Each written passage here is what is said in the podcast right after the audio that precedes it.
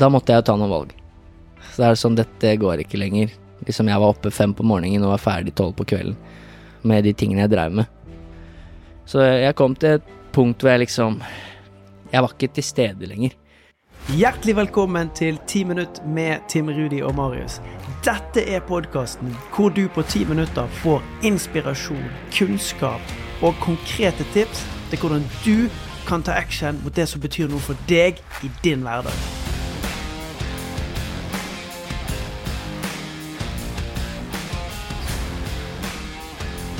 Hjertelig velkommen til 10 minutter med Tim Rudi og Marius. I dag så er ikke Tim Rudi her, men eh, jeg har henta inn en gjest som jeg blir, eh, og har blitt veldig inspirert av de siste åra. Og det er en kar som virkelig har eh, fulgt drømmene sine, turt å gå sin egen vei, og virkelig sett mulighetene og tatt noen valg som jeg er ganske imponert over at du har våga å tatt. Du har skapt en du har skapt en, en, business, en måte å leve på, som er i tråd med uh, ditt hjerte da, og det du brenner for. Og det tror jeg hadde vært veldig spennende for de som lytter å høre mer om. Og coach Elo, hjertelig velkommen til podkasten. Tusen takk for det. Skal jeg fortelle alt på ti minutter, siden det heter det? Ja, vi, vi, vi, Det heter ti minutter, men vi kan bare vi prater til det føles naturlig, og så okay. kanskje det blir to eller tre ti minutter, det vet vi ikke. Men ja. uh, bare, bare, prat. Uh, okay. For det er veldig Du pleier å Du har en podkast du også, og der pleier du å snakke med gjestene dine i veldig mye mer enn ti minutter, men jeg skal snakke med deg etterpå. Uh, og da, ja. Yes. Det blir mer enn ti minutter, det kan jeg garantere. Ja, det gleder jeg meg veldig masse til. Så nå får vi bare prøve å kjøre en uh, speed-versjon av din reise. Og hva, hvem er du, hva gjør du, og hvordan har din reise vært de siste årene? Det jeg kan begynne med hvem jeg er, da. Hva jeg gjør akkurat nå. For jeg har gjort mye forskjellig de siste ti-tolv årene, da. Akkurat nå så jobber jeg som eh, crossfit-coach, eh, og som leder for en crossfit-boks. Jeg vet ikke hva man kaller det, noen kaller det for boksmanager, leder, ansvarlig for boksen, da. Eh, og så er jeg fortsatt fysisk trener for en del håndballspillere. Nå er det mest online det går over, men jeg har en del av de spillerne kommer til meg og trener jevnlig. Og noen er liksom bare over nett, da. Blant annet et par spillere nede i Larvik som ikke er så langt unna der du holder til. Mm. Så det er det jeg driver med akkurat nå. Jeg har lagt eh, liksom håndballen og lag da, litt på hylla, mm. som jeg har drevet med de, mest de siste årene. da. Og hvorfor brenner du så mye for uh, fysisk trening? Hvordan er det du kom inn på den veien der? Ja, det, det, det er et spørsmål som krever mer enn ti minutter. det, uh, man kan kalle det for mye, da. Fysisk trening, helse, prestasjon. det er mange ting du kan putte inn under der. Uh, nå har jeg jobbet med mye toppidrettsutøvere. Da er det vanlig å si fysisk trening, eller at man er fystrener. Uh, I de aspektene som vi jobber med nå med crossfit eller med personlig trening, så bruker vi ofte helse, for eksempel. Uh, det er liksom alt fra det mentale til faktisk det fysiske, til faktisk å prestere. Om det er å prestere i idrett, eller om det er å prestere i hverdagen, eller om du tar vare på kroppen for å kunne prestere i en annen jobb, kanskje, som er krevende. Uh, så det er liksom mange ting, men veldig enkelt da, for å starte med det her, å hjelpe andre mennesker til å ha en bedre hverdag, uh, eller til å oppnå de tingene som de ønsker å oppnå. Det er jo liksom det som ligger helt til grunn, da, for det jeg gjør. Og hvordan var det det starta, hvordan er det du skjønte at det her kunne bli en jobb for deg?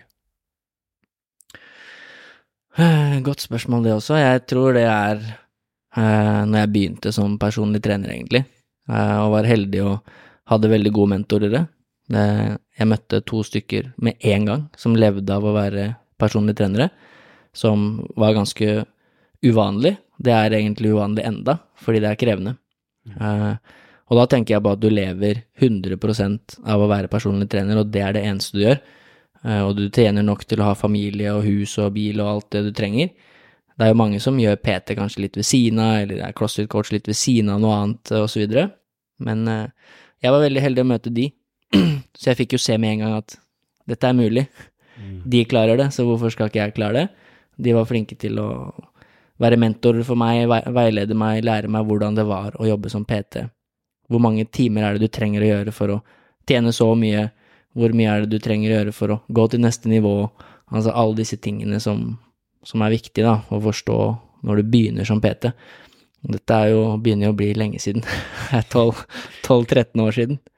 Eh, så da begynte jeg å skjønne det, og når jeg begynte å få kunder, begynte å tjene penger, eh, begynte å se at dette kan jeg jo faktisk eh, kanskje leve av på sikt, da var det kanskje det jeg begynte å kjenne at det er, det er mulig. Og hva var det du gjorde i den fasen der? For jeg syns den der startfasen er ganske spennende. Siden det er ofte der du egentlig Ja, enten så tar du retningen mot drømmen, eller så tenker du at nei, det her eh, tror jeg ikke funker. Men hvordan var situasjonen din på den tida? Hadde du noe ved siden av, studert, eh, hva gjorde du? Altså jeg var jo fotballspiller. Eh, jeg spilte jo profesjonell fotball til jeg var 3-24, og så da jeg begynte å studere, så, så jeg må liksom fortelle litt historien, da, ja. for å få fram poenget, tror jeg. Eh, kanskje for at folk skal forstå hvilken situasjon jeg var i. Eh, men jeg, jeg, spilte fotball i Strømsgodset, eh, og da jeg var 20, så hadde jeg hatt et friår etter videregående. Da hadde jeg valgt å liksom Jeg skal bare spille fotball. Eh, og så tenkte jeg etter et år med bare fotball at jeg vil fortsatt spille fotball, men eh, jeg vil studere. Jeg vil lære mer om kroppen.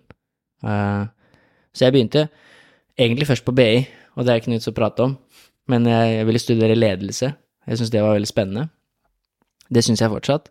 Men så kom jeg inn på idrettshøyskolen, som jeg hadde søkt på, og det var enda fetere, da. Så etter ett år med ledelse, så switcha jeg over til Norges idrettshøyskole, eh, hvor jeg studerte blant annet ernæring, personlig trening eh, og forskjellige typer fag innenfor der, da. Anatomi og whatever. Det var liksom sånn pakke de tilbudte, da, over to år, hvor du blant annet blei PT når du var ferdig. Uh, og så studerte jeg idrettspsykologi også et år på Høgskolen i Oslo. Så mens jeg spilte fotball, så studerte jeg, og mens jeg studerte, så begynte jeg også å jobbe som PT. Så jeg søkte på jobb som PT før jeg var utdanna PT, da. For det kunne man gjøre før. Uh, I Elexia, som det het da, som nå er SATS. Mm. Uh, så lenge man liksom var under utdannelse, så var det greit, da. Og da var jeg igjen heldig å møte disse to karene som jobbet på Elexia Billingstad, som er ja, rett ved Sandvika, egentlig. Uh, og begynte å forstå mer og mer at uh, jeg vil kanskje det her mer enn jeg vil spille fotball. I hvert fall på høyt nivå, da. Som jeg var. Jeg var ok, og spilte jo på A-laget til Strømsgodset, så jeg var jo brukbar. Mm. Jeg var liksom Kunne sikkert blitt fotballspiller, jeg vet ikke, jeg var jo veldig nære. Uh, bytta til Asker, fotball. Helt i toppen av andredivisjon. Og for de som vet uh, litt om det, så er det krever mye, da. Fordi du trener Du trener like mye som et eliteserielag. Det er fem ganger i uka, kanskje, og så er det kamper i helgene, og i andredivisjon så reiser du jo rundt i hele Norge. Du reiser til vest, du reiser til nord, du reiser til sør. Men du blir ikke rik. Så det er egentlig litt likt som å spille eliteserie i håndball, for mange, da, som spiller på de litt mindre klubbene, med mindre det er Vipers eller Storhamar, så er det ofte sånn at du tjener noen tusenlapper i måneden, men du må ofte jobbe ved siden av. Mm. Og du trener nesten hver dag, du reiser rundt i hele Norge. Jeg tror det er mange eliteseriespillere i håndball som kan kjenne seg inn i det. Eh, sånn er det å spille andredivisjon i fotball, da. Så det kom til et punkt hvor jeg, eh, kort fortalt, jeg studerte idrettspsykologi. Jeg jobbet som PT og gjorde 100 PT-timer i måneden som er Det er ganske mye, da, å gjøre 100 betalende PT-timer. Wow. Da har du ish en 30 kunder, kanskje. Så spilte jeg fotball i Asker, som da var Norges beste andredivisjonslag. Så jeg trente jo hver dag. Eh, og så ble jeg tilbudt trener, eh, jobben som fysisk trener i Glassverket Elite, da. Mm. Som akkurat da var liksom Var Norges nest beste lag bak Larvik. Mm. Håndball. Håndball, ja. Yes. Og da måtte jeg jo ta noen valg. Så det er sånn, dette går ikke lenger. Liksom jeg var oppe fem på morgenen og var ferdig tolv på kvelden uh, med de tingene jeg drev med. Det var liksom trening før Nei, det var jobb før skole, og så var det skole, og så var det rett på fotballtrening, og så var det jobb igjen etter fotballtrening på kvelden, for å rekke gjennom alt, da. Så jeg kom til et punkt hvor jeg liksom Jeg var ikke til stede lenger. Da jeg var på skolen, så tenkte jeg veldig mye på PT og fystrening og hvordan jeg skal følge opp de og hvilke programmer de burde ha. Eh, da jeg var på fotballtrening, så tenkte jeg på skole og eksamen og alle disse tingene jeg skulle gjennom. Så jeg var liksom aldri Jeg var der fysisk, men jeg var ikke der. Mm. Og da måtte jeg ta noen valg. Tusen takk for at du lytta til episoden. Og hvis du syns de temaene her er spennende og har lyst til å lære mer, så har vi appen Heart Mentality. Den kan du prøve gratis, møte oss live, og ikke minst ha det gøy og booste din personlige utvikling. Kanskje vi ses der. Ha en rå dag videre.